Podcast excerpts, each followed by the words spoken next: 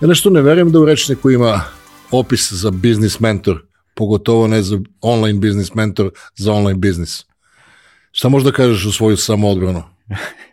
Počeli smo da snimamo uzgled. Slažem, slažem se, teško je ovoga. Ja sam pogotovo tu na našim prostorima još neka, ajmo reći, nova riječ, uopće i često krivo protumačena možda, um, ali ono što ja često kažem, ono, mentor, ako sad to idemo u ovaj kontekst riječnika uvrstiti, netko tko ti zapravo pomaže da brže prođeš put koji je ta osoba već prošla. I da se na manje prepreka saplete. Tako je, tako je. I kako se to funkcioniš, mene zanima, mislim, mnogi ljudi su sve to radili sami i misle da je to jedinstven put, međutim ti kao biznis mentor, ti nađeš, odnosno nađu tebe ljudi kojima je potrebna pomoć. Aj malo pričamo o tome, meni je to jako interesantno kako ih naučiš da hodaju u biznis smislu.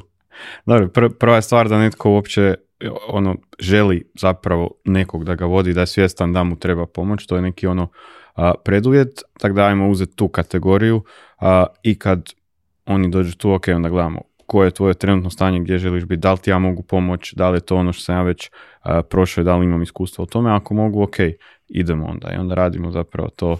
To sad to zvuči kao da snimamo ovaj commercial, što kažu amerikanci šta je tu ono interesantno, mislim, jer imaš probuđene i neprobuđene ljude, oni koji se bude, oni koji se bude uče sami uzimaju mentora, neprobuđeni veruju da tu ne postoji nikakva mogućnost za napredovanje i e, svojevremeno sam imao, neko mi je napisao na Instagramu, da šta ti ovaj, kenjaš debeli da neko troši 400.000 kad ja znam u Americi niko ne zarađuje preko 2000. On živi u toj zajednici da oni, ne znam, peru prozor, niko ne priča engleski u Čikagu ili negde i ono, ko zaradi 1800, taj je u vrhu.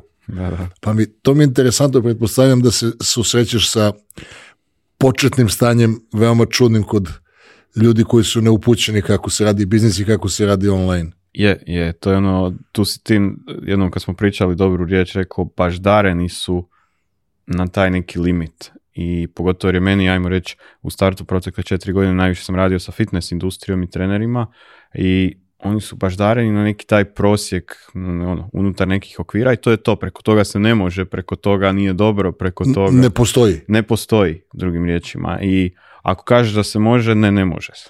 Tako da to je prva stvar koju treba probiti. Onda ima onih koji su... I koja se razlikuje ta granica mentalna u Srbiji, u Hrvatskoj?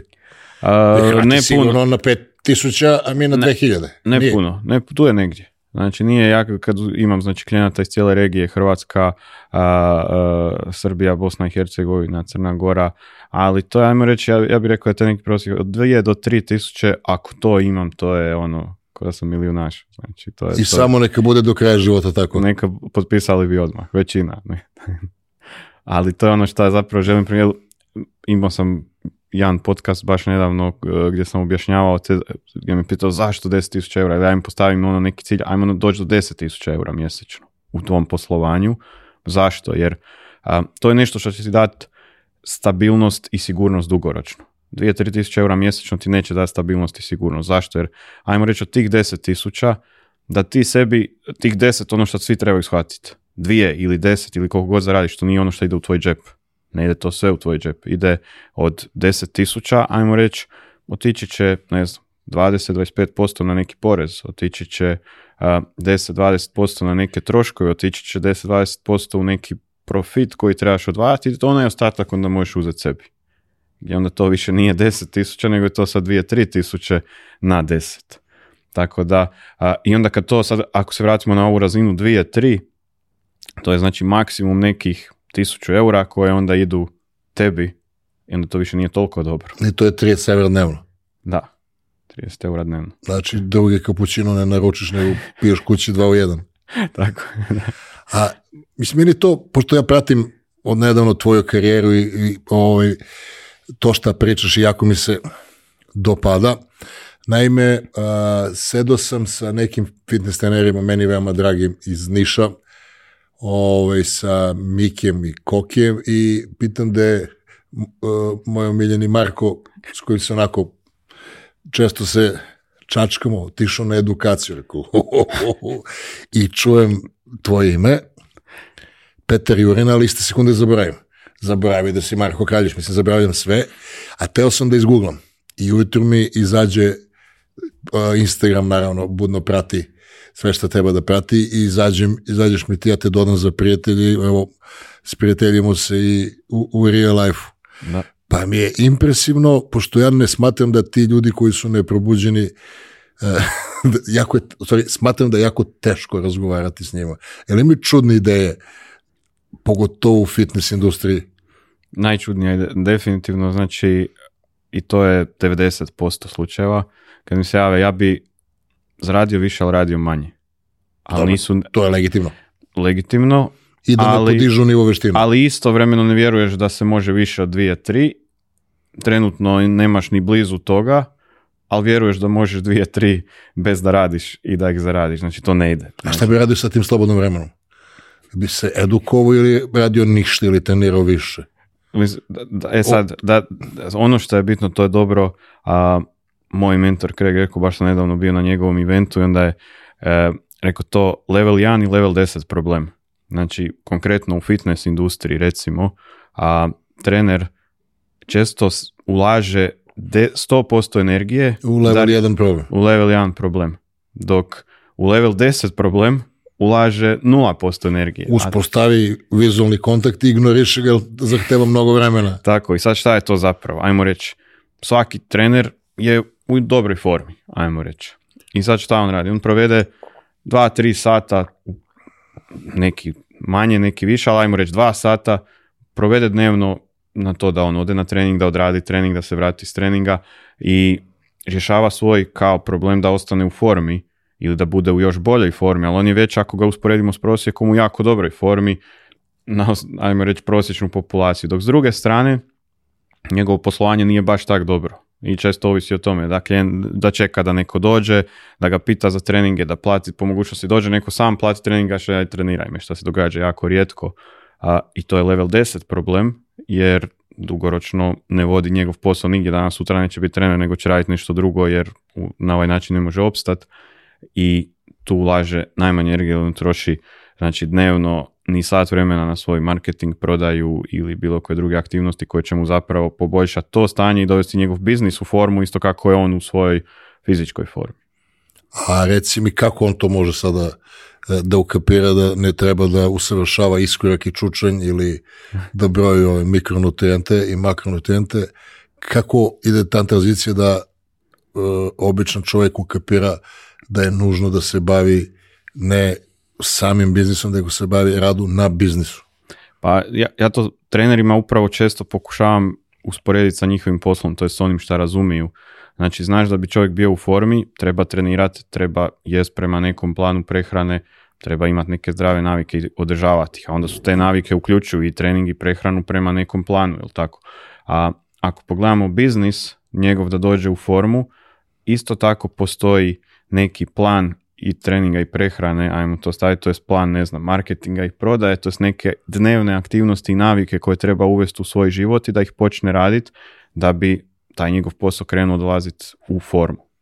Tako da onda tu zapravo im klikne, aha, da je istina, jer, jer ako propustiš, nije dovoljno da bi bio u formi, nije dovoljno jedan od 20 dana i trenirati jest prema planu. Moraš to raditi svaki dan. A šta radiš u svom poslu, radiš to da jednom mjesečno se možda primiš nečeg oko marketinga prodaje, pa ostalo to odradiš usput, ali nemaš neku rutinu koja kad je u kontinuitetu sigurno donosi rezultat, jer kontinuitet u svemu donosi rezultat, ali ako ga nema nigdje ne donosi rezultat, naravno. Čak i kontinuitet u lošim navikama donosi rezultate, ali... Tako je, svaki kontinuitet zapravo uvijek postoji, samo je stvar je dobar ili loš, ali često ljudi upadnu u taj loš kontinuitet, šta prvo ako gledamo od nekih, ja dosta vjerujem, od uvijek sam ono zapravo trudio sam u svoj život uvesti neku disciplinu i rutine i sve, jer to je na neki način kontinuitet, jer ono kako radiš određene stvari, to se preslikavaju sve druge stvari. I ako ti nemaš neku disciplinu... Kako radiš jednu stvar, tako radiš sve stvari. Tako je, tako je. I to vjerujem da, da stvarno vrijedi za, za većinu ljudi i naravno ima iznimaka, ali većinom je to tako jer ako tebi, ne znam, osobni život nije posložen, neće biti ni poslovni posložen. Obratno, ako u poslu nešto ne štima, krene se raspadati neki osobni dio, tako da jako je bitan tu taj balans i, i s druge strane znači da se ne zapostave te navike koje te vode tome. Je, nije uvijek to lako i isto kako nije lako, vjerujem ni svakom treneru, ne trenira mu se baš svaki dan, ne jede mu se svaki dan kako treba, ali ok, možeš fulati jedan dan, ali vraćaš se u svoju neku rutinu. Isto to treba shvatiti u poslu, i u svom životu. Da ujutro kad se digneš znaš šta ćeš prvo raditi jer je to bitno za tvoj napredak. I tu vidim, s obzirom da imam dosta klijenata koji recimo ostvare brzo neki poslovni napredak. Ja ih znaju ljudi od ranije. Da, tako je. I možda je taj start lakši, ali sad šta se dogodi? Njihov posao skoči i dođe u formu, ali onu kratkoročnu, jer oni kao osobe se ne promijene. I ako oni ne, taj svoj osobni napredak ne guraju, ovaj poslovni se opet sruši.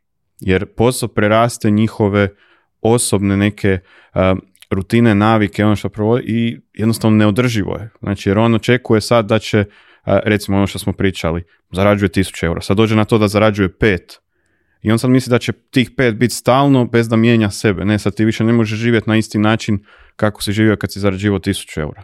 Znači ti sad moraš mijenjati svoje neke navike, rutine, stil života, sve treba napraviti kompletan switch postepeno naravno, ali treba ići u tom smjeru, ako ne ide opet se ovo vrati natrag. Znači drži ga kao sidro te loše navike, odnosno neadekvatne navike. Generalno, da li je to što ti uh, religiozno pripovedaš neprobuđenim mladim ljudima koji se bave fitness, eh, fitnessom kao zanimanjem i kao biznisom, da li je u širem smislu primjenjivo na bilo koju tranziciju iz offline u online. Je, je. I to je ono što sam ja prvenstveno napravio kod sebe i što vjerujem da svako, pogotovo sa nekim uslužnim djelatnostima, može napraviti kod sebe. Dakle, ja sam, moj posao bio prije baziran u živo. Ovo što radim sad online, meni je znači sve 100% kompletno online. Mogu biti bilo kad, to mogu biti bilo gdje, radi šta hoću, moj posao funkcionira, ja ga mogu raditi gdje god da jesam. Volim putovat, znači ono, gdje god da dođem, ja svoj posao mogu raditi, ne o fizičkoj lokaciji. Ja, blago tebi. Znaš kak sad, smo, bili zajedno u Cancunu. Ja, blago tebi. Tako da, mislim, meni to daje onu neku najveću vrijednost koju smatram da je u životu bitna, to je sloboda. Znači da ja mogu biti gdje želim, kad želim raditi, šta želim i da ne ovisimo ničem. I da ljudi kojima pomažeš da žive bolje, žive bolje bez obzira na tako tvoju trenutnu adresu stanovanja. Tako je, tako je. Da opet, ajmo reći, na neki način klijenti kojima želim pomoć, ali da to ne znači da ja moram žrtvovati neki svoj dio života da bi to uspio, nego ok, mogu s tobom, šta si rekao, bili smo u Cancunu, mogu s tobom pričati iz plaže u Cancunu ili ti pisati poruku šta da napraviš u svom poslu, ne moram sjediti doma u svom uredu ili sjedi s tobom na kavi da ti dođeš sad da mi pričamo da ti ja slažem tvoj biznis. Znači, nema potrebe, mogu biti bilo gdje. I isto tako, većina ljudi koja daje bilo kakvu uslugu može to formirati u neki online oblik poslovanja danas koji definitivno ono može pomoć njima da žive život kakav žele i njima pomoć da pomažu većem broju. Jer na samim tim povećavaš i svoj kapacitet potencijalnih klijenata koji možeš imati. I veći broj ljudi mogu da dobiju adekvatnu pomoć u svom razvoju.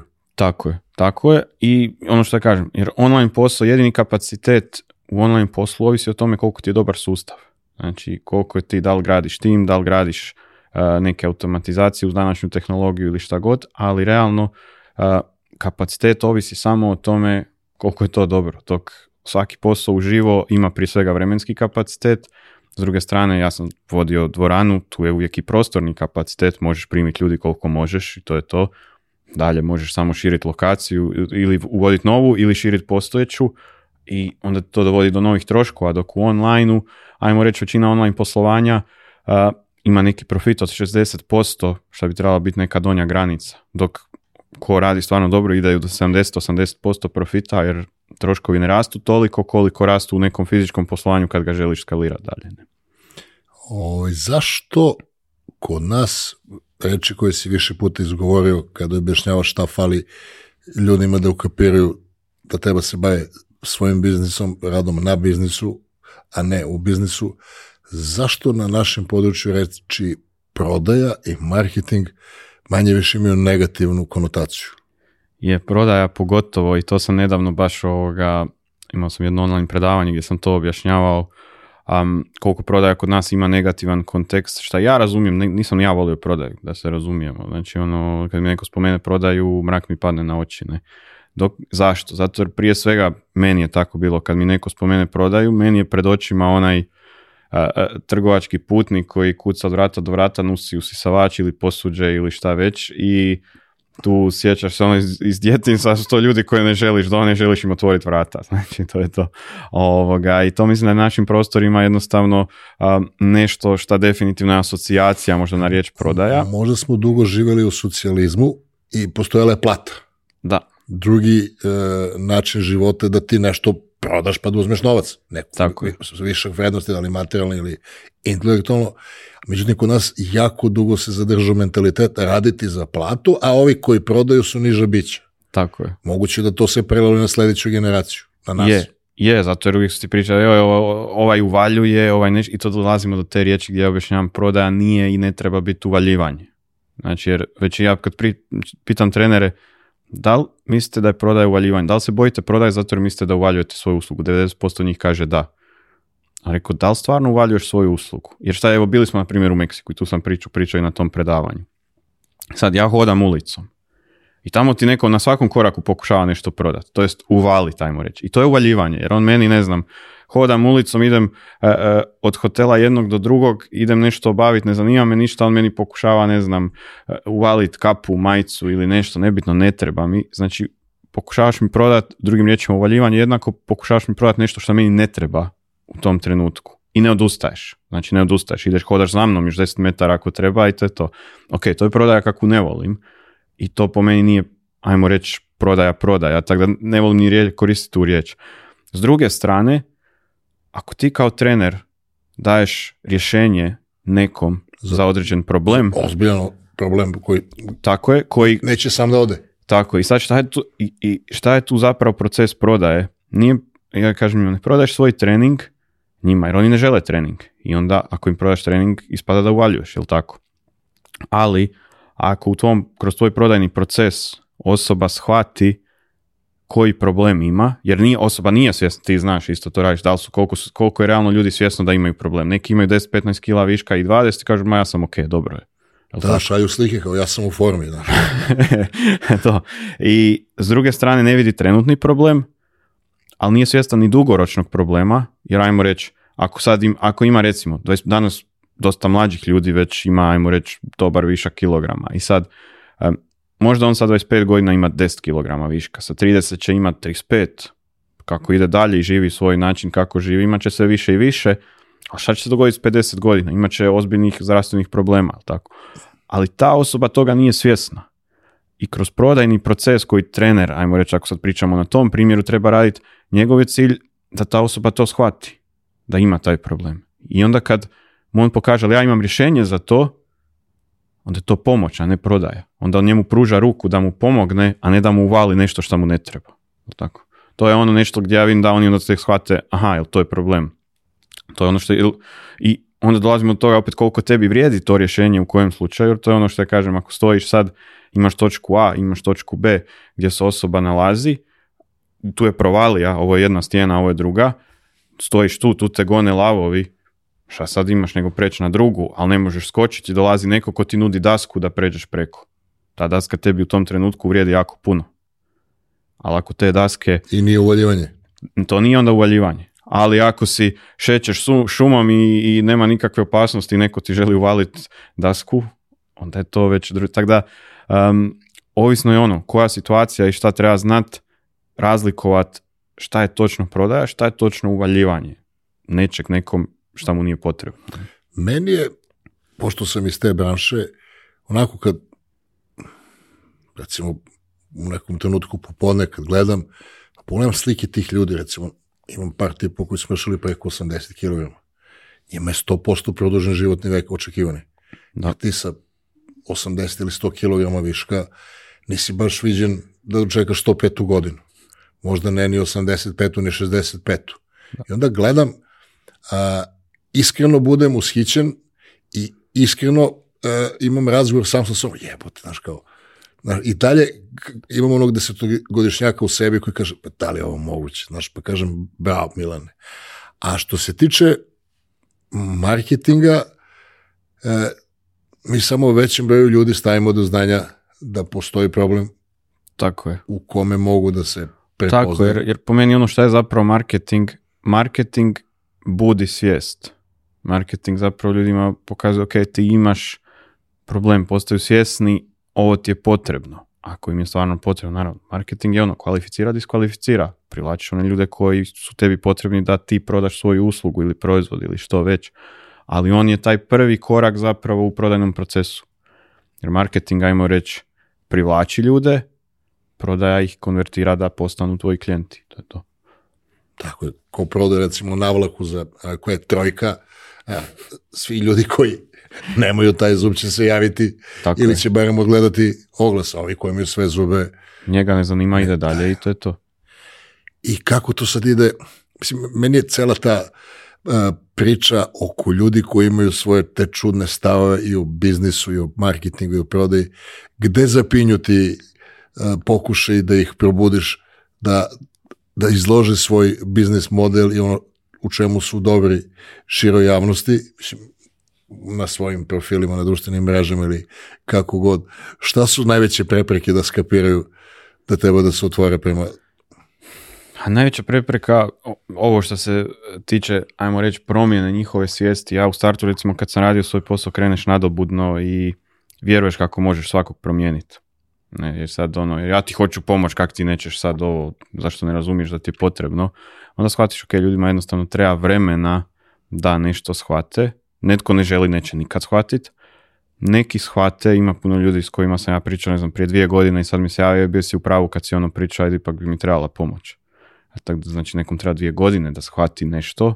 Pa dobro, to je istina koja treba da sazre da neko može... Tako je, tako i sad zapravo ovisi koliko, ko brzo, ja sam recimo osoba koja će shvatiti kad ima problem, ok, imam problem, odmah to želim, ne, razmišljam sad, ako mi netko ukaže na problem, želim ga rješavati odmah i pogotovo ako je netko već prošao to s čim se ja mučim. I još lepše ako ti ukaže na nekog ko zna kako se režava Tako je, tako je. Tako da tu mislim da ovisi o osobi individualno koliko će mu vremena trebati. Naravno, tu je sad ključan i marketing ili recimo ovo sad šta mi radimo i pričamo upravo o tome, to će nekog potaknut da shvati, vidiš, možda je meni ovo potrebno. Sad. konsultacije. Tako je, tako je. I onda idemo u sljedeći korak kad, ok, prvo je ta promjena svijesti, E onda, ok, a kako sad to napraviti? E, onda idemo opet na one prepreke, sad kažeš, e, trebaš raditi sadržaj svaki dan. Ali ja ne mogu to svaki Ajmo malo to sadržaj, to je kad se postoji na društvenim mrežama, Tako je. mislim, umjesto da objavljaš u novinama, ti objaviš kod sebe, pa zainteresuješ ljudi. Priča to, mislim, ono... Ne moraš ovisi da li će netko objaviti, ti diktiraš kad ćeš objaviti koliko. Ajde malo taj algoritam da čujemo, možda će nekom da, I, mislim, sam algoritam kao algoritam realno, naravno, ovisi o svakoj društvenoj mreži. Facebook, ne, ne, ne, to nego algoritam kako od e, čovjeka koji nema online biznis, kako da uđeš da budeš vidljiv, kako da možeš da počneš da... A, to je to ovo što kažeš, da budeš vidljiv, jer da bi bio vidljiv, moraš biti stalno prisutan. To je ono, kad se vraćamo na priču, ono kontinuiteta. Ako ti nisi u kontinuitetu tu kako očekuješ da te ljudi vide, jer ako gledamo sad samo obit navike ljudi, nije svako u svakom trenutku, nije niko 0.24 sata na ekranu i sad samo čeka kad će iskoči tvoj video i da te vidi. Ne, ljudi su, neko danas neće cijeli dan upaliti mobitel, neko neće dva dana možda ući na Instagram. Ali neće ući na Instagram, TikTok ili YouTube. Tako je, ali će treći dan ući i ako si ti u kontinuitetu tu vidjet ćete. A ako ti taj dan si a meni danas, eh, danas nema mog sadržaja, onda te nema danas tu, onda te on opet ne vidi taj trenutak. Znači ne, ne prepuštaš stvari slučajnosti, nego kontinuitet ti pomaže da ti budeš slučajno, znači ono, da, da si tu, a ne da ovisiš o tome da li ćemo se naći u pravo vrijeme. To ono kada se sad dogovaramo, naći ćemo se jedan dan na trgu, pa sad ti dolaziš jedan dan, ja drugi. Pa opet, i dok se ne nađemo sedmi dan slučajno, u točno u to vrijeme na, na trgu. Nego smo, rekli smo na trgu, sutra ako treba ja sam od jutra tamo, čekam dok tebe ne vidim i dok ti dođeš. I tako ću si upoznao svoju suprugu.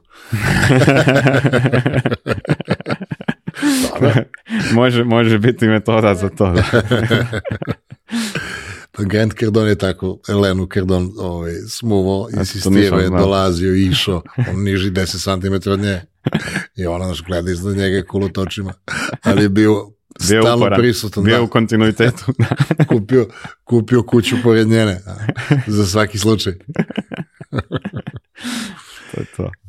I dobro, znači, kako bi sad to išlo korak po korak za te mlade ljude koji se bave fitness industrijom, znači da rade online, oni mnogi kubure.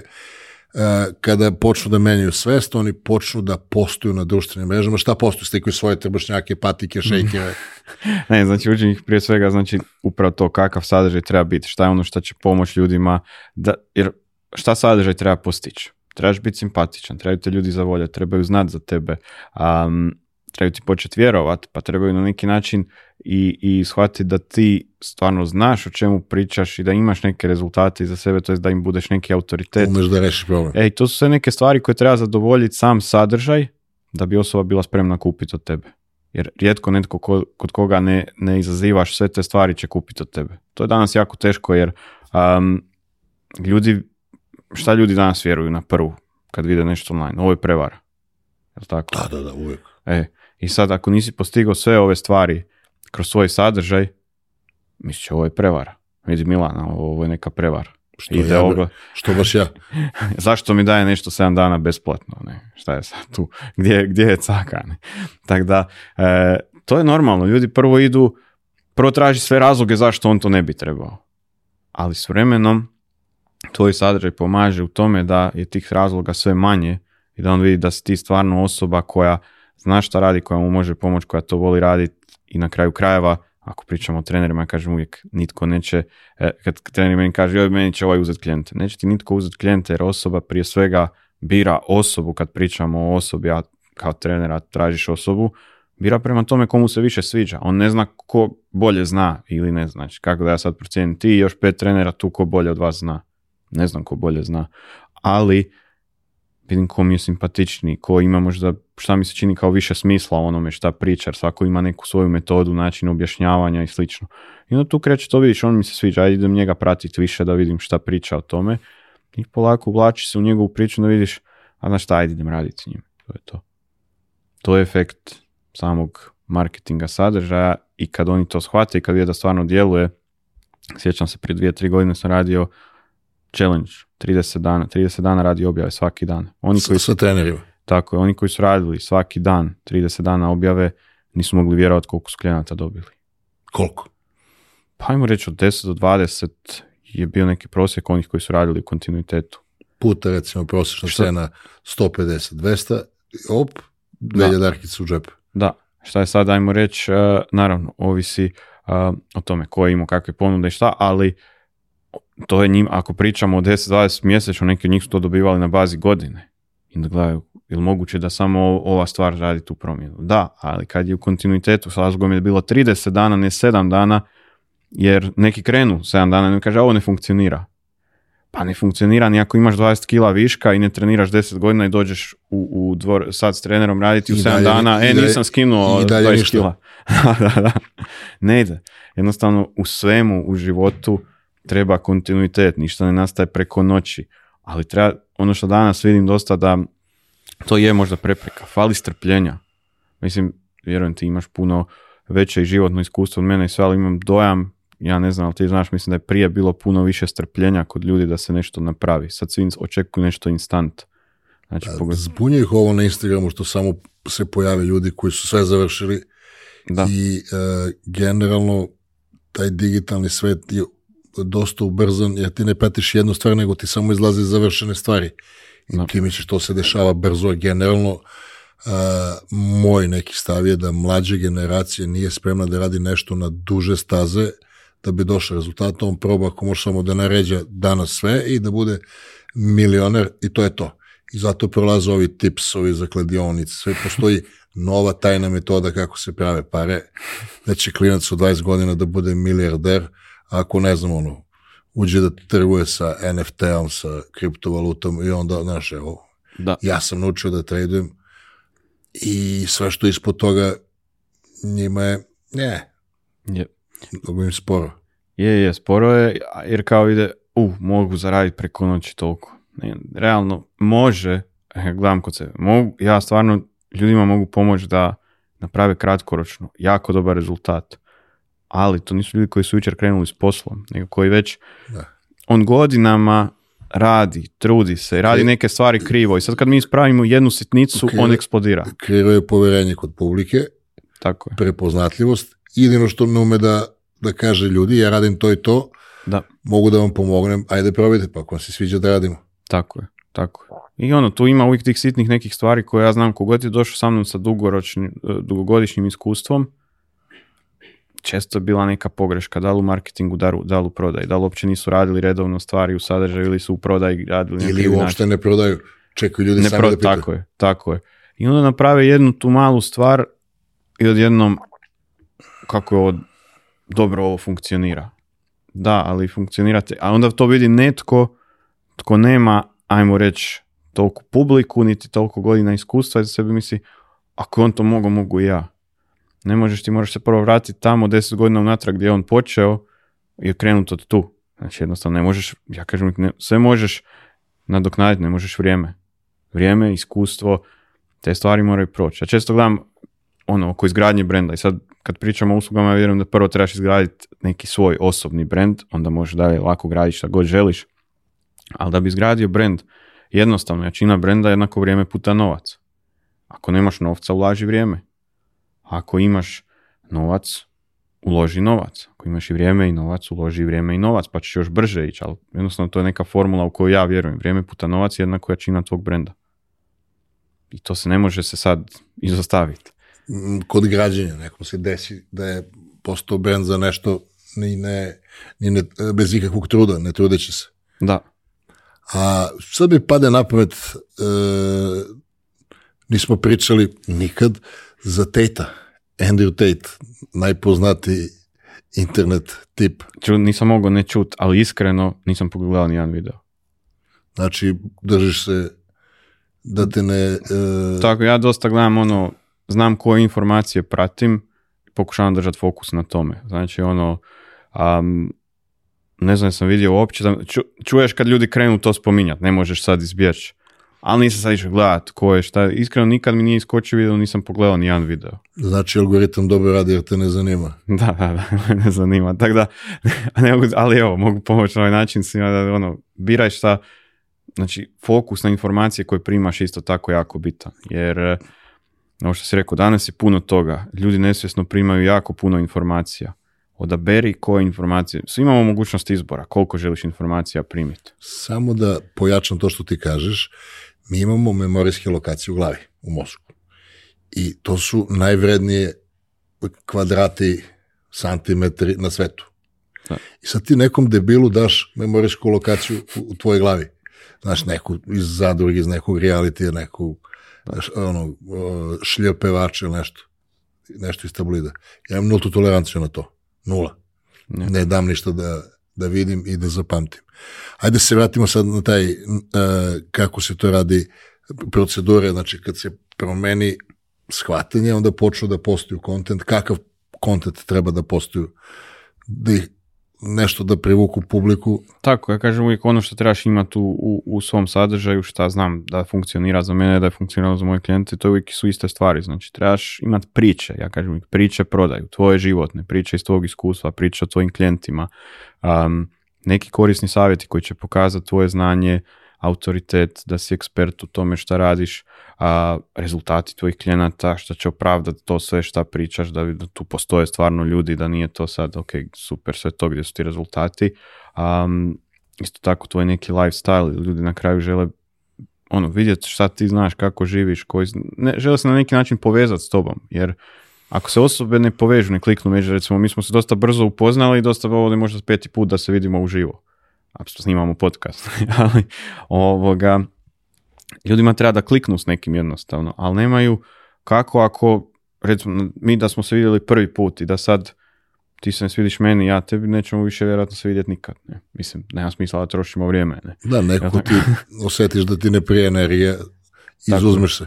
Tako je, tako da u sadržaju definitivno treba biti tih stvari na kojima će se netko povezati s tobom. Naprimjer, ti to super radiš, pričaš, meni je nekad zanimljivo gledati ili pričaš o nekim životnim iskustvima, povijesnim stvarima za koje ja pojma nemam jer sam, ne znam, 30, 20 eh, godina mlađi i onda mi je ono, te stvari realno nemaš od koga čuti, onda ovo zanimljivo mi je. Nebitno šta ono sad, ne gledam toliko treninga, ali ti kao osoba si mi ok za pratiti jer mi je nešto zanimljivo. Ne? Čujem neku zanimljivu informaciju ili me nešto nasmije, na kraju krajeva i to danas ljudima fali da ti bude ono neki pozitivan sadržaj, ne sad da ti po njima, da ih stalno kritiziraš, da priče ne, istino ne znam, da, da bi došli u formu, ne možeš jesti šta želiš, ne možeš ovo, ne možeš ono. Ne. Digni zadnjicu stolice nemoj to da jedeš. Da, da, da. Mislim, ljudima je dosta, pogotovo u zadnjih dvije godine u, ovom svijetu u kojem smo živjeli dosta im je toga da oni nešto moraju, ne smiju ili šta već. Znači, daj ljudima pozitivnu neku sliku, pozitivnu, a, pozitivne osjećaje, pozitivne emocije, jer veća šansa da će osoba nešto kupiti od tebe ako je u pozitivnom stanju nego ako je u negativnom, definitivno. Vidi sad jedna interesantna stvar iz moje perspektive.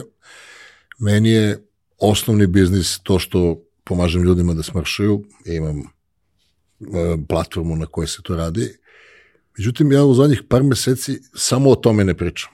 Da. to Znači, pričam šta mi se, ono, šta je meni interesantno, šta sam pročitao, doživao. Znaš, ne snimam nekoliko dana, onda snimim 20-30 ovih kratkih videa. Imam jednog momka koji to veoma vešto, kad ja bacim nove videe, on ih montira. Kad ne, on to usisava ove stare videe i postojim paralelno na TikToku, Instagramu, Facebooku i Twitteru, s tim što u istom danu ne Ovaj, ne, nemam svuda iste vide, nego što je danas ovde, u četvrtak je tamo. Da, da. I ovaj, znači, bukvalno nemam eh, ništa ne prodajem. Što sam pričam, dozvolim ljudima da me upoznaju u mom najboljem izdanju. Tako je, ali ti ideš, radiš pro to, jer ono što sam rekao što je prva faza, da te upoznaju, da znaju za tebe uopće. I sad kad si ti nekom zanimljiv, šta vjerojatno većina ljudi radi, ide na Google pa ide upisao Milan Strongman. Ko je on? Gle, ima fora vid, mi vidjeti ko je on. Ali bukvalno, do sad, bili smo juče na ovom, kako se zove tvoj event, gde se priča da fit, podsjeti molim te. Fitness business meetup. da, fitness business meetup, čuvena antička reč, fitness business meetup, da zapamtimo. Ove, ovaj, I onda kapiram da ja nemam call to action, nigde. I mislim da je to ok, ljudi vide, procene da sam glup, nisam pametan, interesantan i onda mi se jave, a posao mi je manje više nikad bolji. Ali to, to je, ja mislim, ja, ja ono što objašnjavam, ja imam, ajmo reći, metodu koja dovodi klijenta, ja sam je nazvao PKP metoda. Pažnja, komunikacija, prodaja. Trebaš dobiti pažnju, kažeš ovo, ljudi ti se jave, uđu u komunikaciju, ali šta se dogodi u komunikaciji, oni saznaju šta ti radiš i onda dolazi do prodaje, ako ih to zanima. Znači ja sam PKP Black Belt. Da. I e sad, ono što mnogi ljudi koji se bave biznisom ne kapiraju, oni hoće kao iz ofa da, da ih niko ne vidi ili redko da postuju, a na našem govornom području ima recimo 10-12 miliona ljudi koji ono, mogu da kupe nešto, imaju novčanik svoja, ne, ne od mami i tate ili ne od onog čeka za penziju koji je jako mali. I velika promjena kod mene nastala kad sam ukapirao da ja ne proizvodim sadržaj, nego pažnju. Tako je. I tako sam ovog mog editora, ne mi montiraš nego video, nego pažnju. Tako je. Jer ukupna količina pažnje je 10 miliona ljudi puta 24 sata. I to je to za ovaj dan. Tako je. Ja recimo povremeno imam 800.000 pregleda u jednom danu, bilo čega. Tako je.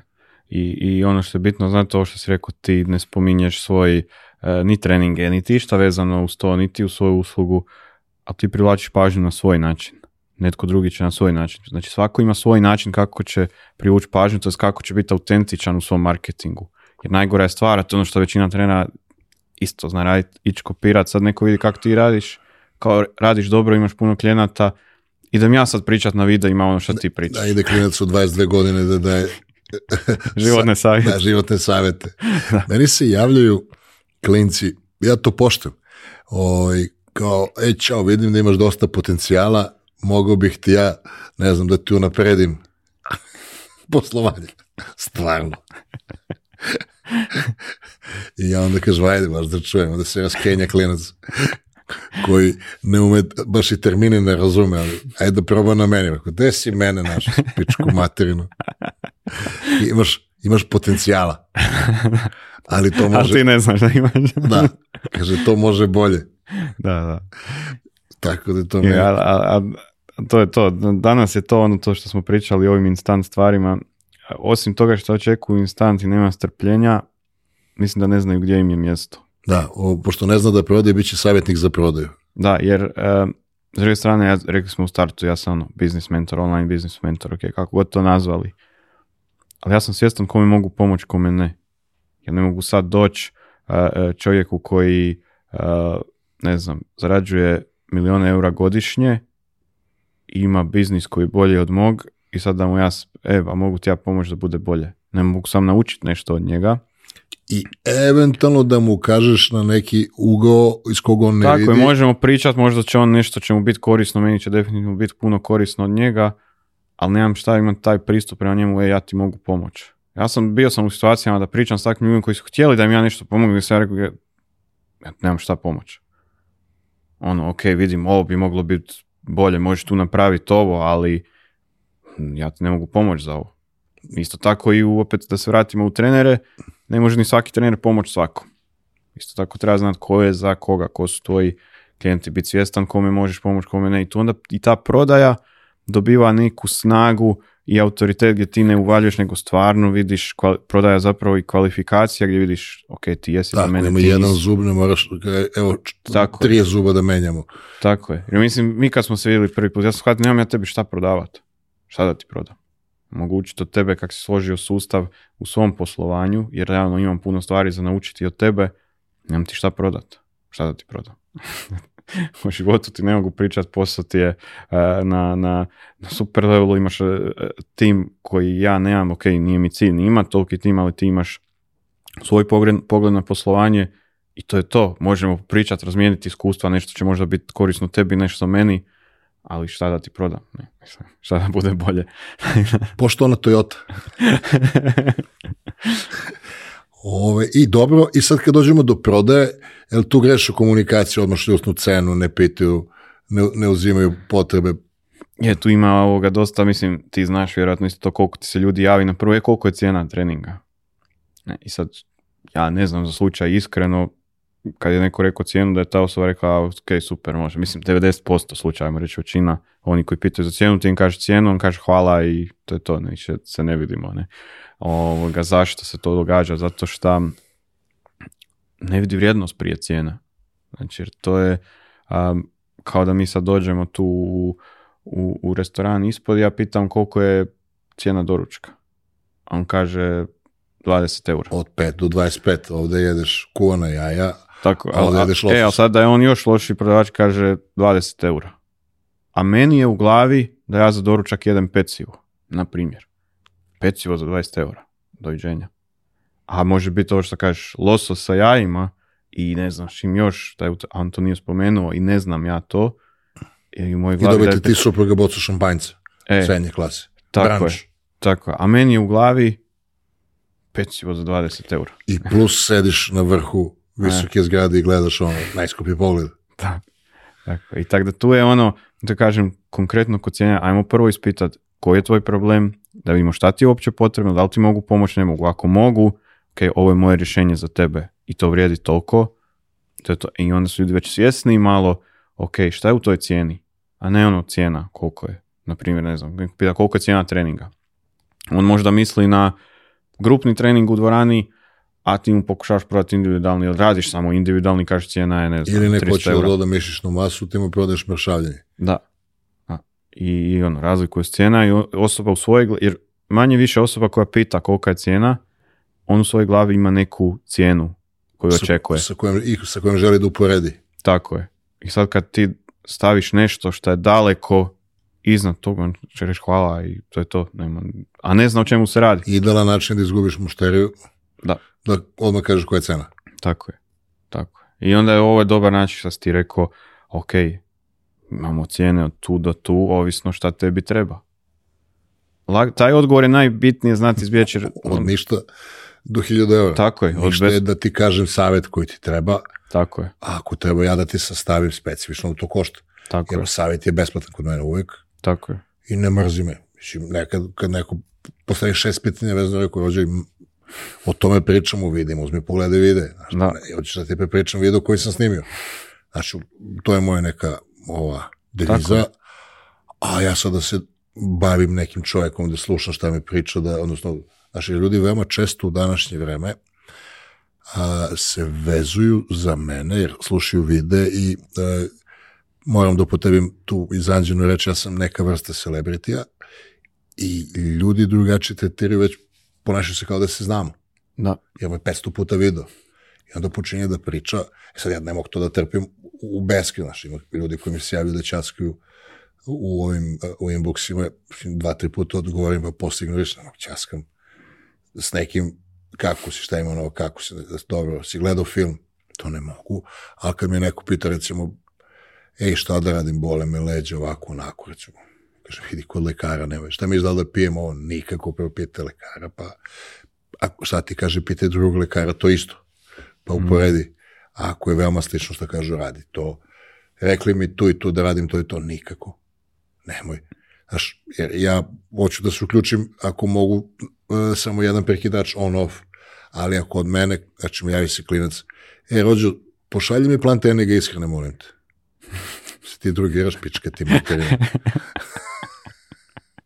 a, da. Da, a mislim, to je ono percepcija ljudi, jer jednostavno ono, nis, imaš onih koji ne pokušavaju shvatiti, ima onih koji ne shvaćaju, onda dolazi ono sa hej daj meni treninge.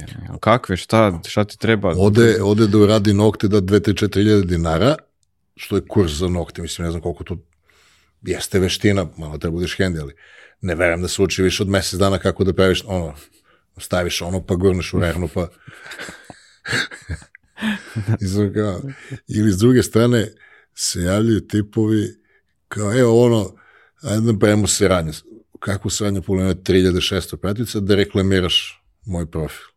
Da, da. To je danas u trendu, ono, samo neke, su, da su neke suradnje, ono, uvijek se neko javi sa, ajmo neku suradnju napraviti. Ja kad to vidim na prvu, ali, ali ne znam ni ko je osoba. Drugo sada ti javiš kad se znao e, ajmo, imam ideju za suradnju, super, ajmo da vidimo šta je, ali se znači, ti na prvu javljaš, a ne znamo se i sad još imaš prijedlog za nešto što je totalno nelogično, mislim, ne, nema smisla. Ali, e, ja sam, isto pitao sam još jednog e, trener od negde, znaš, ima ono par klijenata, kao, jel bi mogu da podeliš ovo? Znaš, kao, da imam više klijenata. Pa znaš, ti pošaljem nekog mog klijenta, kao, da, da, to je bilo, mislim, e, ima, ima ovoga toliko, mislim, super je naći način kako možeš lakše doći do nečeg.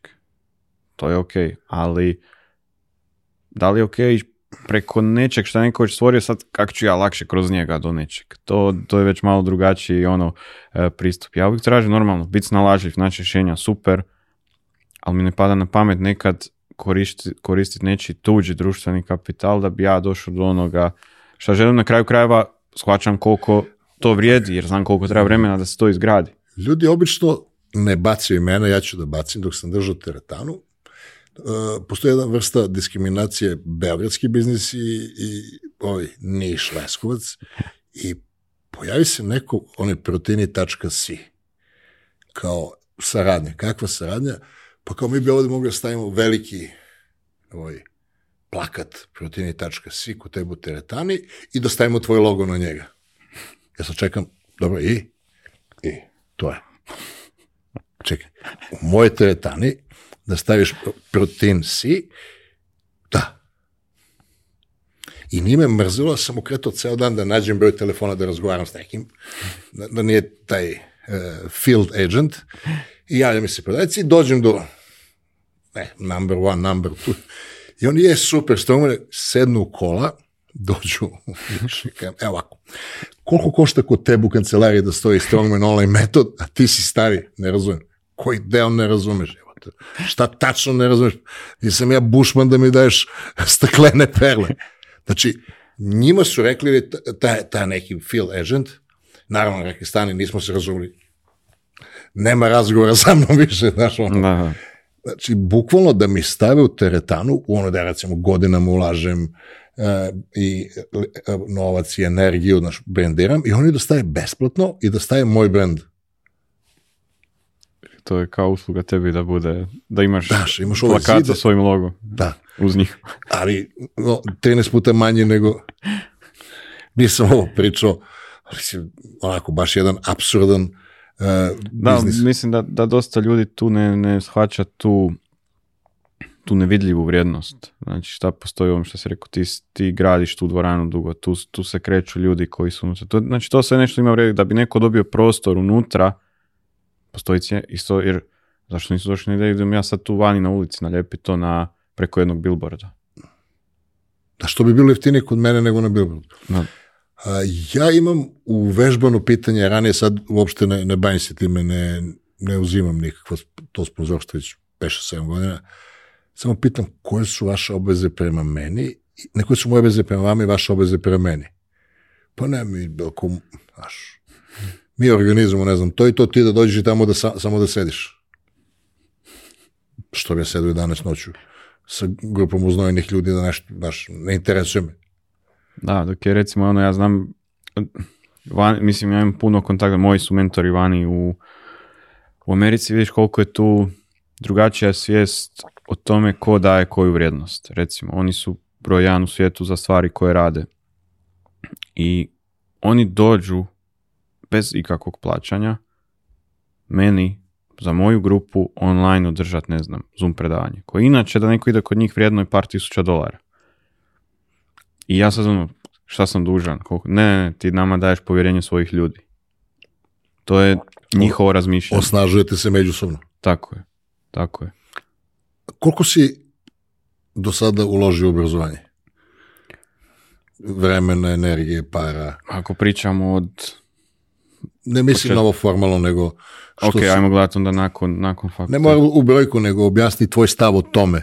Pa jako, mislim, ono što ja gledam uvijek, meni je slušanje svakog podcasta, uloženo je vrijeme, naravno ako je to podcast koji je daje vrijednost. tako je, koji ti daje vrijednost, čitanje svake knjige, ne znam koliko sam ih pročitao, pročitao sam ih puno, nisam uopće u toj brojci ni razmišljao, ali znam da uvijek čitam nešto. Znači, ne postoji dan da nešto ne čitam. Bilo knjiga, bilo neki e, članak, bilo nešto što sam izvukao negdje ostavio za kasnije, nešto čitam uglavnom uvijek. To je svaki dan u mojem rasporedu negdje, nešto bez čega neće završiti dan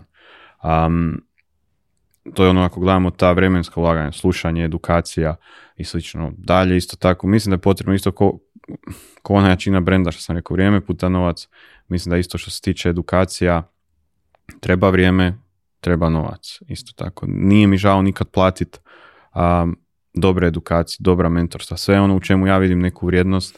ti si poznat po tome što upališ avion i odeš da slušaš nekog, daš mu par da čuješ šta ima da kaže. Da. To se meni jako sviđa. Ja nisam razmišljao na taj Da, ja sam recimo, mislim, danas se smijem tome, ali to je, mislim, vjerujem da isto svako ne, moraš biti malo nenormalan nego ono, lud na neki pozitivan način. Recimo ja kad sam uzeo svog prvog mentora, kad sam platio najviše što sam ikad platio za bilo šta, je bilo onda kad sam imao najmanje novca. Koliko? 25.000 dolara. Ponovi da čuje publika. 25.000 dolara. Jel, jel ti je pomogao proporcionalno? je, ajmo reći da sam to vratio u prva dva mjeseca. Znači sve ti je posložio i misli i procedure da. i... Da. Šta te naučio? Mislim taksativno. To je, to je sad ono što je recimo stvar što uvijek pričam, pričao sam tu priču već nekoliko puta, dođeš i to je ono fazi još kad ti misliš da si pametan i da znaš sve i da ti ne može niko pomoći. Ne? Da, da dok ne, ljudski maksimum si postigao. To dok ne udariš u dno. E, onda udariš u dno, onda gledaš, ok, meni treba pomoć i onda tražiš rješenje. Ja sam takav da onda tražim rješenje, ne pokušavam sad ne znam šta, nego tražim rješenje u toj situaciji. Okay? I nađem, bio si zapravo sa mnom u Meksiku kod, kod Vinsa, on je bio taj, taj prvi mentor. Pratio sam ga još neko vrijeme um, i padne meni sad na pamet, ok, on radi ono što ja želim radit, najbolje na svijetu u tome, pa sigurno da može meni pomoć, logično, ne? I ništa, javljam mu se ja, ono, na Instagram poruka, ulazimo u njegov prodajni proces i čujemo se, mi ne ispričamo šta sve kak i mislim imam povjerenja već u njega, ja znam da hoću raditi s njim. Da, znaš je. Samo me zanima koja cijena i to je to. Kaže cijenu, ono se gledam. Progutaš knedlu. Progutaš knedlu, nikad nisi, znači moj dojam ono.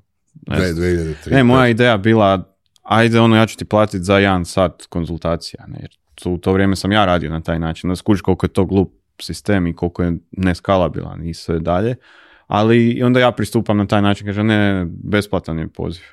I sam ja shvaćao šta on radi, ne, dobro. On te dublje navlači. da, da, da. I dođemo na poziv, pričamo, poznamo se, vidimo ono super je on, super sam ja njemu to i dođemo to, ok, koliko, šta vidim ja, vrijedi to, ok, kažem ja daj mi samo daj mi par dana, nisam rekao da neću, nego daj mi par dana da ja smislim kako ću jer trenutno nemam ništa. Znači, ne, ništa ispod ništa. Ne? da, dan prije ja i žena brojimo kovanice da odemo u dućan. Doslovno takva situacija. Ne? I ništa, razmišljam, ja gledam šta ćemo, kako ćemo, pričam sa ženom, kaže, ništa šta, ne može biti gore od ovog sad. da, ovoga. Um, kaže dobro, ja ću ti pomoć, ne, da zaradiš. Ono, znaš, ok, ne možeš platiti jednom možeš platiti u, više rata, ja ću ti pomoći da zaradiš za prvu pričamo ja i on kasnije puno o tome, sad smo ono i prijatelji i surađivat skupa. Kaže on, ja nisam, on je meni stvarno pomogao da pričat ću to sad, kak da zaradim taj novac u par dana i da mogu krenut. Ali kaže, nitko kome sam dao rješenje, da, kad sam išao na taj način, kao sad ću ti ja dati, ti zaradi pa ćeš mi platiti, nitko nije platio, kaže ti se vratio i platio. I tu ono kaže kužim neke vrijednosti kod tebe i kužim da želiš. I ono što smo napravili biti on je meni rekao doslovno evo napravi ovo imat ćeš u tjedan dana dovoljno da platiš meni prvu ratu, imao sam i puno više od toga. Znači dao mi je, a, sad javno pametan, znam šta treba, on meni, ono, spojimo se na Zoom, kaže evo ti ovo, evo ti ovo, evo ti ovo, napravi ovo. Ja sad krećem moj razmišljati, da li moram dizajnirati web, moram ovo, moram ono, moram... Ne, ne, ne, da mi kaže, evo ti samo ovaj Google dokument, to ti treba. I jednostavno javi se ljudima i prodaj svoju uslugu. Ja to nikad nisam radio na taj način do tad. Sad tu krećemo ono, prodaja, znaš. Ovoga. A onda shvati, ali si u toj situaciji da nemaš se šta praviti pametan. Znači... Ajde da ponovimo. Ti si počeo da osnivaš porodicu, nula kuna, nula eura. Da. I saznao se, ukapirao se treba pomoć i izvadiš 25.000 dolara koje nemaš, da. da platiš edukaciju za koju nisi znao da postoji i isplatiš ju dva mjeseca. Da, mislim, realno prvi tjedan ovo što mi on dao, napravio sam, znam šta je, on dao mi ovo, ja drugi dan, ja radim odmah ono što treba, drugi dan sjedam u kafić, izlazim van da imam mir ispod zgrade, tak, tak, tak, na kavu, dva sata, napravio šta trebam, krećem prodavati jedan dana, ja imam 10.000 eura pet dana, ne znam koliko je bilo. Javim se njemu, sad vidi on da sam ja ozbiljan. Znači, to pazi na našem uh, e, treće razrednom tržištu da je platežna moć da, da. između 8 i 10 puta manja nego u Americi. Da. Ili pet puta manje, svejedno. Tako je. I, i gdje ni on, on to ni ne shvaća, ne kuži da i poslije te kad smo pričali shvaća da ja živim i šta prodajem tu ovaj drugi mentor, Craig mi je rekao da bi on nakon dva dana pobjegao odavde. I gde ljudi nemaju svest uh, o vrednosti intelektualne svine da te neko nauči, on će da, da plati felne za kola, ali neće da plati da ti neko, da te nauči da radiš nešto, da ti pomogne da radiš više novca. Tako je, tako je. I to još uvijek dosta ljudi ne shvaća, to je ovo u startu kad si rekao u riječniku, šta bi to bilo, ali još uvijek je taj pojam mentorstva tu. Mislim da je, da je to u riječniku ovom tu prodavanje magle. Znači, to je ono što često meni i kažu šta ti prodaješ maglu sad? Ok, dobro, ja prodajem maglu, ti sad raditi svoje i to je to, ali često se to događa. Mislim, shvaćam i to jer nemaju ljudi povjerenja, to je ono, prevara je, sve je online prevara, pogotovo sad kako mentor. Tada, šta? meni stalo pišu, nema leba bez motike. Da, pa da, li je jedini biznis model da se držiš za motiku i da udaraš po toj zemlji? Znaš, ljudi to ono, da. sve što, mislim, taj Tesla, taj Edison, taj nešto, nešto izmislio nisu baš samo treskali motikom sa metalnim krajem nešto po zemlji. po betonu pa moguće. je, je, istina. Teško, teško je ovoga razbiti ta uvjerenja tu. Ja sad kad radim sa, sa klijentima, ono što puno radimo, to je zapravo ono razbijanje tih nekih uvjerenja. Znači ono, ja ne volim čut, nikad nisam bio tog stava da mi kaže ne može se. Koji sad ono da sam ja došao kod Vinca i sad ja da njemu kažem ne može se. Mislim, kako ćeš uspjeti ako odmah ti kažeš da se ne može? Jesi čuo, Joco, na nula ušteđevinu vade 25.000 darke za edukaciju. Sa nama u studiju i oca moj Da, je, luda poslije sad ja i Vince se smijem, kaže, ja rekao, ono, to, znači bio sam jednostavno lud da to napravim, ali nisam imao drugog izbora. kaže je, bio si lud. E, zgodno je mesto da podelim nešto što istražujem mali broj, mali procenat ljudi ima softver za uspjeh. Jer softver za uspjeh je štetan. Mi svi imamo softver da se pazimo i da čuvamo energiju i resurse, a ovi koji su uspešni par posto, oni obrnuto, oni ne boje se da, da založe neproporcionalno mnogo energije da bi prešli preko te daske, da pređu na drugu stranu. Jer ljudi igraju defazivno i to sa evolutivne strane je bezbednije, ali ne vodi do uspjeha. Da. Je, dosta je često taj sklop igram da ne izgubim, ne da pobjedim. Da, niko ne igra na pobjedu, svi igraju da ne izgubim. Da, nek bude nerješeno. A reci mi, i šta te, šta si, koji si proizvodimo? E, to kad sam krenuo. Znači bio je zapravo u biti ono što sam krenuo, što sam ja već u to vrijeme radio, sam ovo sam rekao, individualno s trenerima neke konzultacije da im ja pomognem. No, kak... za, 80 euro na sat. To, ako je bilo i toliko, nisam siguran. Ne? Znači, ovoga, shvatiš kakve si gluposti radio, ali ok, dobro je to shvati. Dobro je onda na paket u 2000. Tako je, tu je bio je moj prvi program, zapravo 6.1 na 500 eura, gdje sam krenuo ih učiti ono gdje, šta su oni mene uvijek tražili, šta je logično, ti stoji pred nosom, kak da dođem do više klijenata. Samo pogledaš pitanja na, na Instagramu. Tako je, tako je. Ali ono, često kad si, kad u toj situaciji, ajmo reći, kad financijski nisi u dobroj situaciji, ne razmišljaš ti prepametno. Tako je, često radiš stvari pod pritiskom i radiš nešto, jo, ja moram, gledaš od danas do sutra, a za sutra trebam zaraditi toliko, za sutra ovaj mi treba platiti toliko, ovaj kasni s plaćanjem i ti si, tvoje razmišljanje nije tamo gdje treba biti. Ja shvaćam da je teško onda razmišljati pametno i baš ti onda treba netko sa strane da ti kaže nešto pametno. da, ti posloži. Ali da to dobro platiš tako da te zaboli šta si glup u tom trenutku. Jer, mislim, to je moje mišljenje, ja sam u tom trenutku bio glup za sebe. Ti si u trenutku bio glup, ja sam 20 godina bio glup, od, posle fakulteta do 40 neke. E, ali, ali bitno je to sebi priznati I ja dan danas kažem, ja i dalje imam mentore, imam Vinsa, imam drugog Krega. Um, I nije mi žao to plaćati, to, to su godišnji veliki iznosi. Neko bi rekao, ono, ti si lud. Ali, to je koliko teče četvrta godina? Da, četvrta sad. I daješ po 20-30 jedarhina na Godišnje je 50 tisuća dolara pa dobro ti spojiš sa letonje od 20 dana. Pa plus još... Kofica, lopatica, da. supruga. da. dobro. Ali, znači, nije, nije mali novac, ali meni nikad nije žao dati to, jer s druge strane, eh, ja rješavam sebi onu glavobu da ću ja sad krenut nešto razmišljati u svom poslovanju, kak, ja kad zapnem negdje znam da nekog mogu pitat Je, s vremenom trebam ih ja sve manje, ali to ono što ljudi često ne shvaćaju tu, koja je tu vrijednost. Znači, meni neko reći, šta ti plaćaš 50 tisuća dolara. Plaćam to da kad imam problem od 50 tisuća dolara da mi ga neko riješi na jednom pozivu ili jednom rečenicom, jednom odgovoru, da mi kaže ok, to ćeš riješiti na ovaj način. Jer ja možda njih trebam 3-4 puta godišnje, da ga stvarno trebam, da se trebamo čuti ili nešto, ali onda kad ga trebam, onda to meni vrijedi 10, 20, 30 tisuća eura. Da, to je kao da imaš ujku boksera koji ti dosada, na slavama sve, ali... ali kad treba... znaš, ono, trpimo ga, družimo se s njima, ali kad se desi sranje, znaš da... Tako je, i to je na neki način meni ono, ja gledam mentorstvo kao osiguranje za, za posao. Jer nismo uvijek najpametniji za sebe. Dobro, u početnoj fazi nije bilo osiguranje, bilo je sve.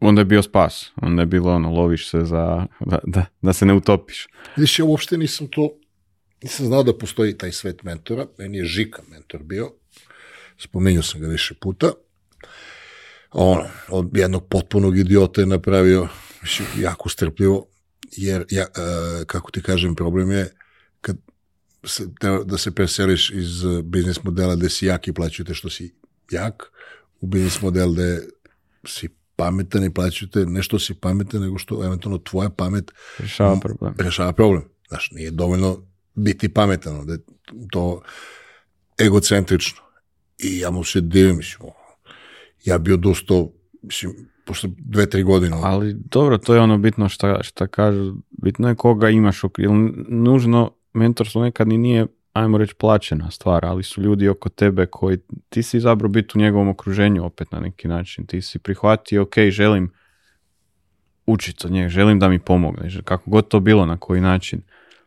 Ono, ali jednostavno ljudi nekad bježe od toga i Sjede, to smo jučer dosta na eventu pričali. Odeš sad, sjedneš na kavu, trošiš vrijeme bez veze, slušaš priče o politici, ovom, onom. O sportu. E, i tu puniš glavu, uz glupu i nakon toga izađeš van, što sam rekao jučer ljudima na eventu, kako ćeš ti nakon toga vjerovati da je moguće imati onih 10.000 eura? Kad čuješ ovoga dolje kako kuka za... Za 500. E, ne ide.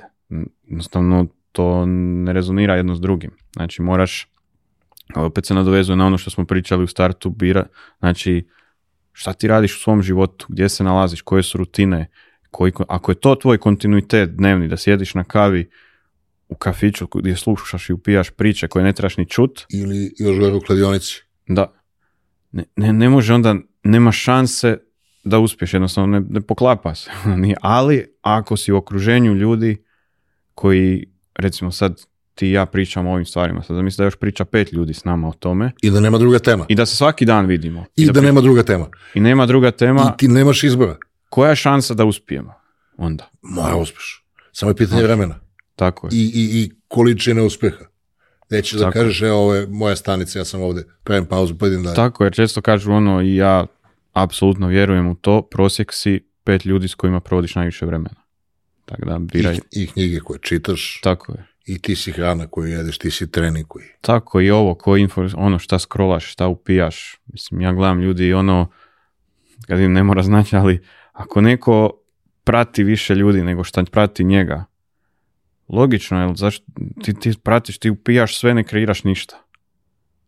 Kako ko će tebe pratiti? Jer upijaš previše, kreiraš premalo. Normalno da taj omjer onda pogrešan.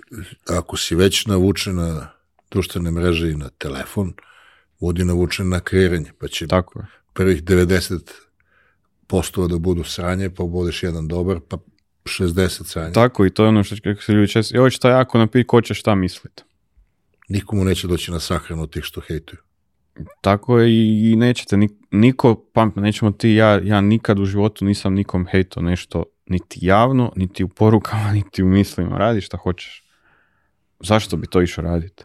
Znači niko ko je nešto uspio, ne vjerujem da će ti ići. Uspešan čovjek ne hejtuje neuspešnog, ne hejtuje uspešnog. Da. Samo neuspešan čovjek hejtuje.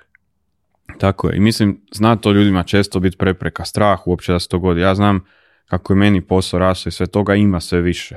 I onda u jednom trenutku ti je teško, realno ne možeš reći da te ne, da te ne dirne to, dirne te, ali se s vremenom naučiš nositi s tim onda nakon nekog vremena više ne primjećuješ, ne zamaraš. Jutro smo snimali sa čuvenim Brankom Đakovićem, on je jedan od onih vanzemaljaca konsultanata, čije, e, čije fakture ozbiljne firme ne gledaju koliko koštaju.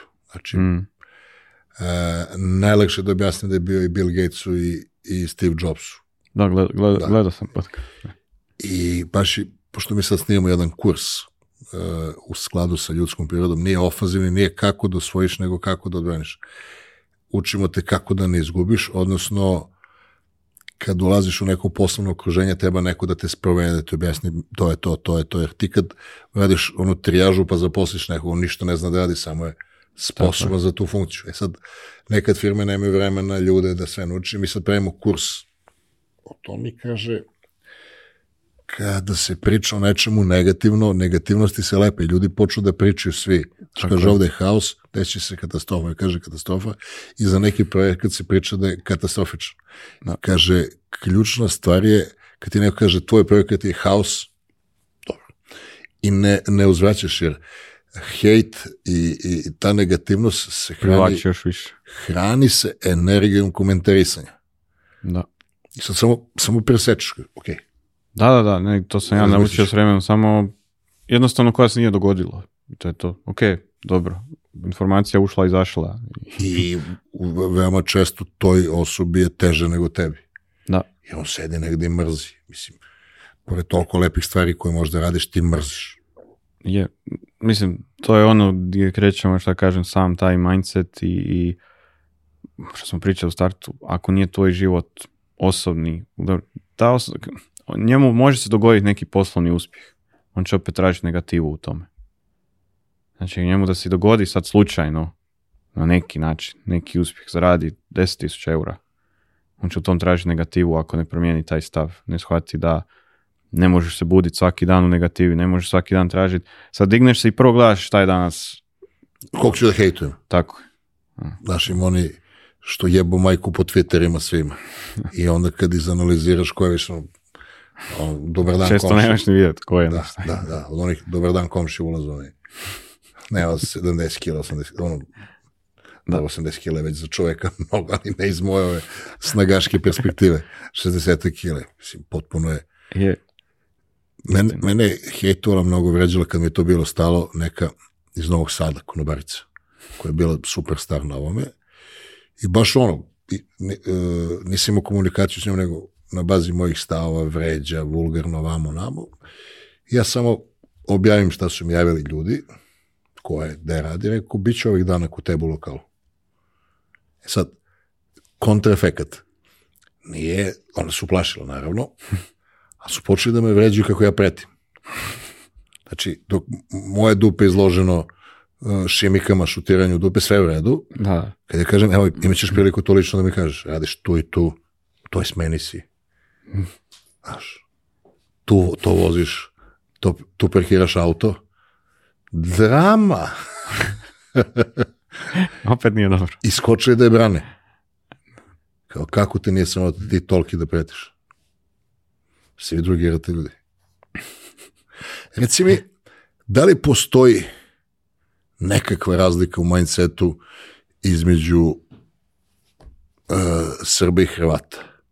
Jer sigurno uočavaš te fine nijanse i da li je e, i, tebe bio ona kletva da ne možeš da budeš stručnjak u svom selu, da mora dođeš? pa je, mislim, mislim da se uvijek nekak najteže dokazati među svojima. Ono, to je, to je ovoga... Ništa ne priznaju, a? Da, da, da, uvijek ima najviše sumnje tamo, ali ovo što gledaš, mislim, imam ono što sam rekao, dosta klijenta, imam sve regije, stvarno iz Srbije imam stvarno dosta klijenata i super klijenata i, i stvarno mi je užitak raditi s njima. Um, ima razlike, definitivno. Mislim, nije slučajnost, najuspješniji moji klijenti su upravo ovdje. Ali vidim to iz razloga, iz moje perspektive, da nije slučajnost da oni svi jako dobro surađuju međusobno. Na kraju spomenuo si Marka preko kojeg saznam, znači, ali opet on ne, ne skriva to od tebe. Znači, dao ti je tu informaciju, ti na neki način saznaš za mene. Vi jedan drugog opet podržavate.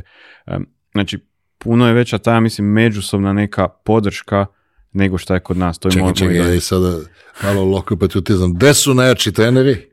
U Nišu. Da, da pozdravim ako bude gledao e, Dušana, ajde, spomenuo sam Marka i moja malenkost, ono, nas trojica pola, pola regiona držimo.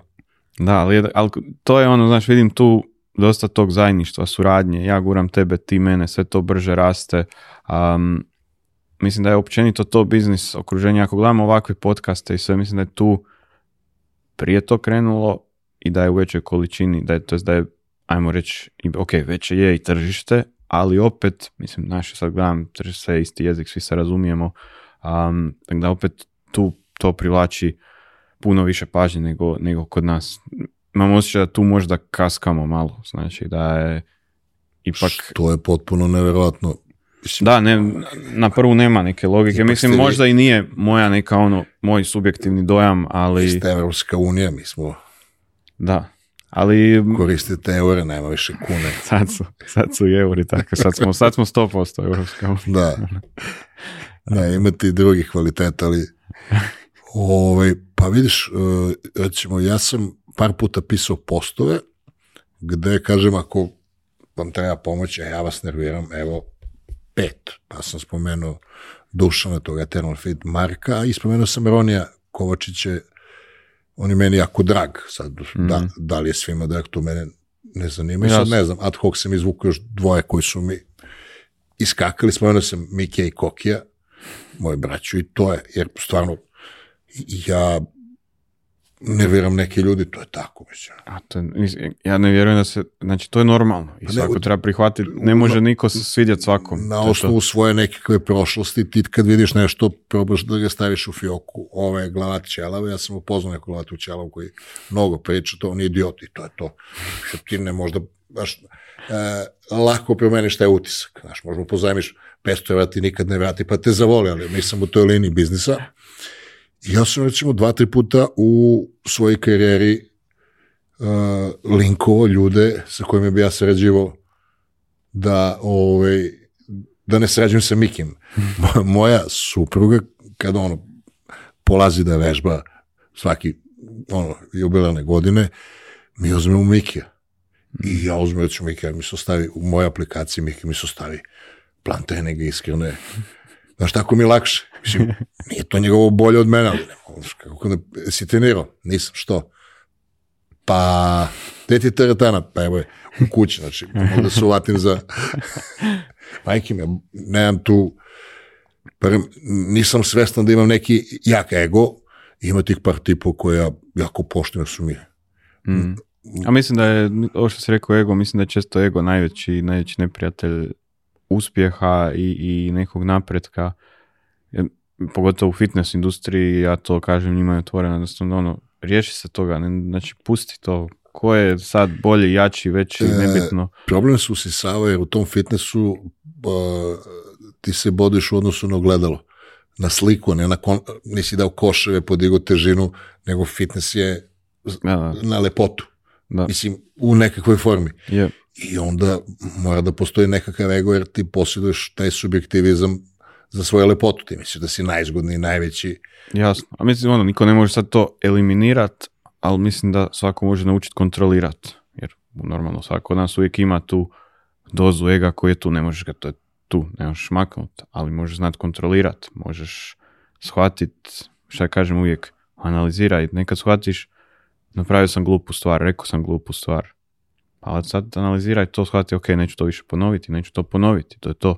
Ali tak se radi neka osobna promjena, ali prvo moraš stati u glavu i biti ok sam sa sobom da kažeš, ja ovo si ovo glup si, ovo nisi trebao napraviti. Da prepoznaš, sedneš na krevet pre spavanja i da ponoviš sebi, tako ako se desi ponovo, neću tako da reagujem. Tako je, ono, naučio sam s vremenom, naravno, nismo svi uvijek na taj način, svi smo uvijek, ko je krije, Evo, on ne ide mi jer je ovaj ovo, ne ide mi jer je ovaj ovo, ne ide mi jer u svijetu sad ovo, nebitno, ali ajmo stat pred ogledalo, ajde se pogledaj u ogledalo. Da si ti dovoljno učinio za sebe. Da, šta, di je stvarno problem?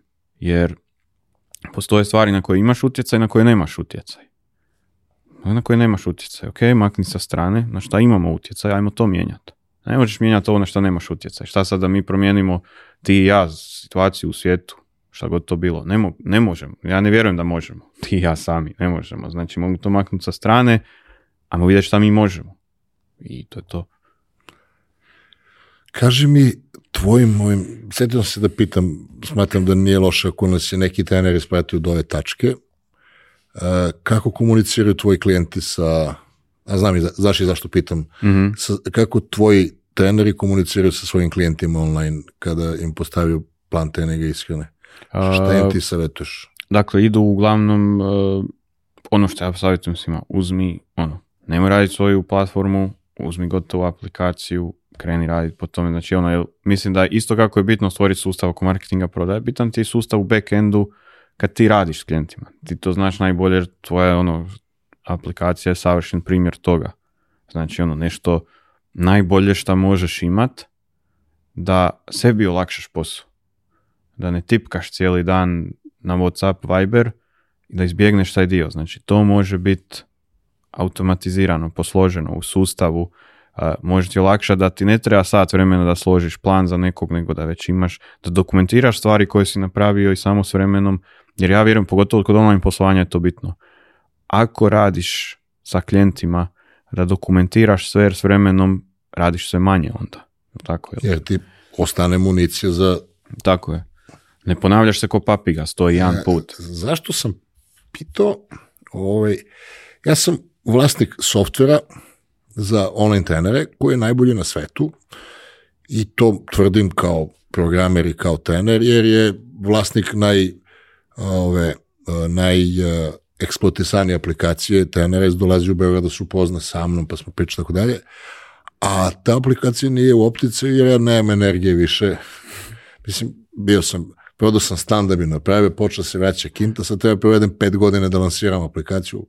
Dovoljno mi je dobro ovako i tebi kad sam pokazao šta radi aplikacija, sećam se da si bio poprilično prijetno iznenađen, pa ako... Hmm. Prvo sam mislio, kad si moja je najbolja na svijetu, ja rekao, dobro. onda sam pao u tvojim očima. Pa jer... I onda ono kreneš, mislim, ja uvijek volim sve pogledati, ok, svako ima onaj prvo mišljenje, ma je, znaš, ono, mislim, tako nas ljudi razmišlja, ali, ok, daj da vidim. I ovoga, onda to ono, kako si mi pokazao, je, mislim, to je ono gdje vidim, ok, ovo je stvarno super, vidi se da neko dao sebe u to kad je radio i da je to sa smislom napravljeno. E, imao sam e, nekoliko anfera e, onih prednosti, last mover, u odnosu na dve, tri postojaće aplikacije koje sam koristio sa velikim brojem klijenata, ovo ne valja, ovo ne valja, ovo ne valja, ovo valja, mm. treba se premesti ovako, ok. I onda kad sam počeo da prema software, sam okupio ekipu, pa smo zajedno testirali i sam moj entuzijazam je spao kad sam potrošio prvih 15 20000 eura na reklamu za aplikaciju, koju isto nisam, jer ja sam prvo da stan mi napravio aplikaciju na našem jeziku. Da, da, bio manje lud od mene. Da. kako manje? na, na našem je moj trening, a na engleskom je train me, train crtica me, tačka online.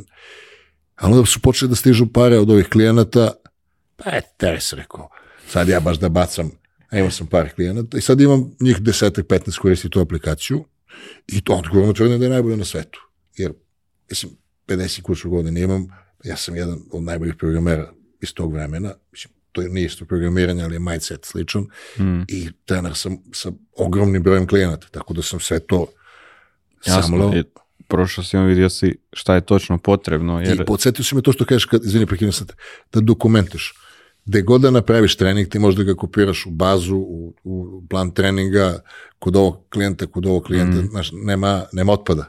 Tako je, to, mislim, to su ključne stvari, ja gledam ja u svom poslanju isto volim uvijek imati sustave koji mi olakšavaju. Isto je tako za svakog trenera bitno da može sebi olakšati posao. Ili ako pričamo o bilo kojoj druge djelatnosti, taj back-end s vremenom postaje bitniji od front-enda. Jer u početku imaš problema sa front-endom, to je s prodajom, dolaskom do ljudi. I sve. Ali kad imaš veći broj klijenata...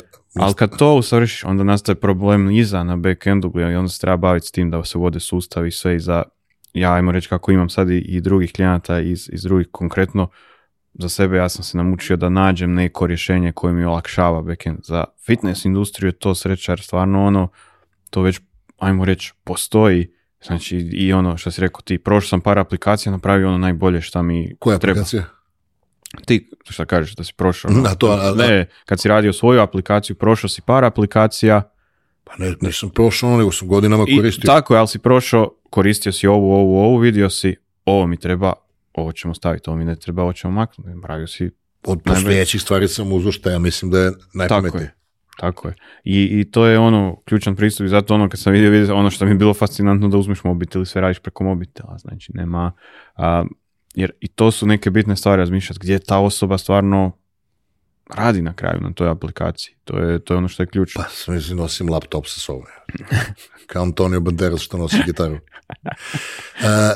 mogu da ti kažem da je brzo proteklo vreme, drago mi je je. smo popričali, možda razgovor nije bio najbolje strukturiran, ali toliko imamo tih mikrotema koje možemo da pričamo. Ideja ovog razgovora je bila da tamo neki mlad čovjek ili mlada žena koja, baš ne može da ima dovoljno klijenata u svoje teretani, hoće da počne neki online da, da ne mrda rukama na Zoomu, da im pokazuje.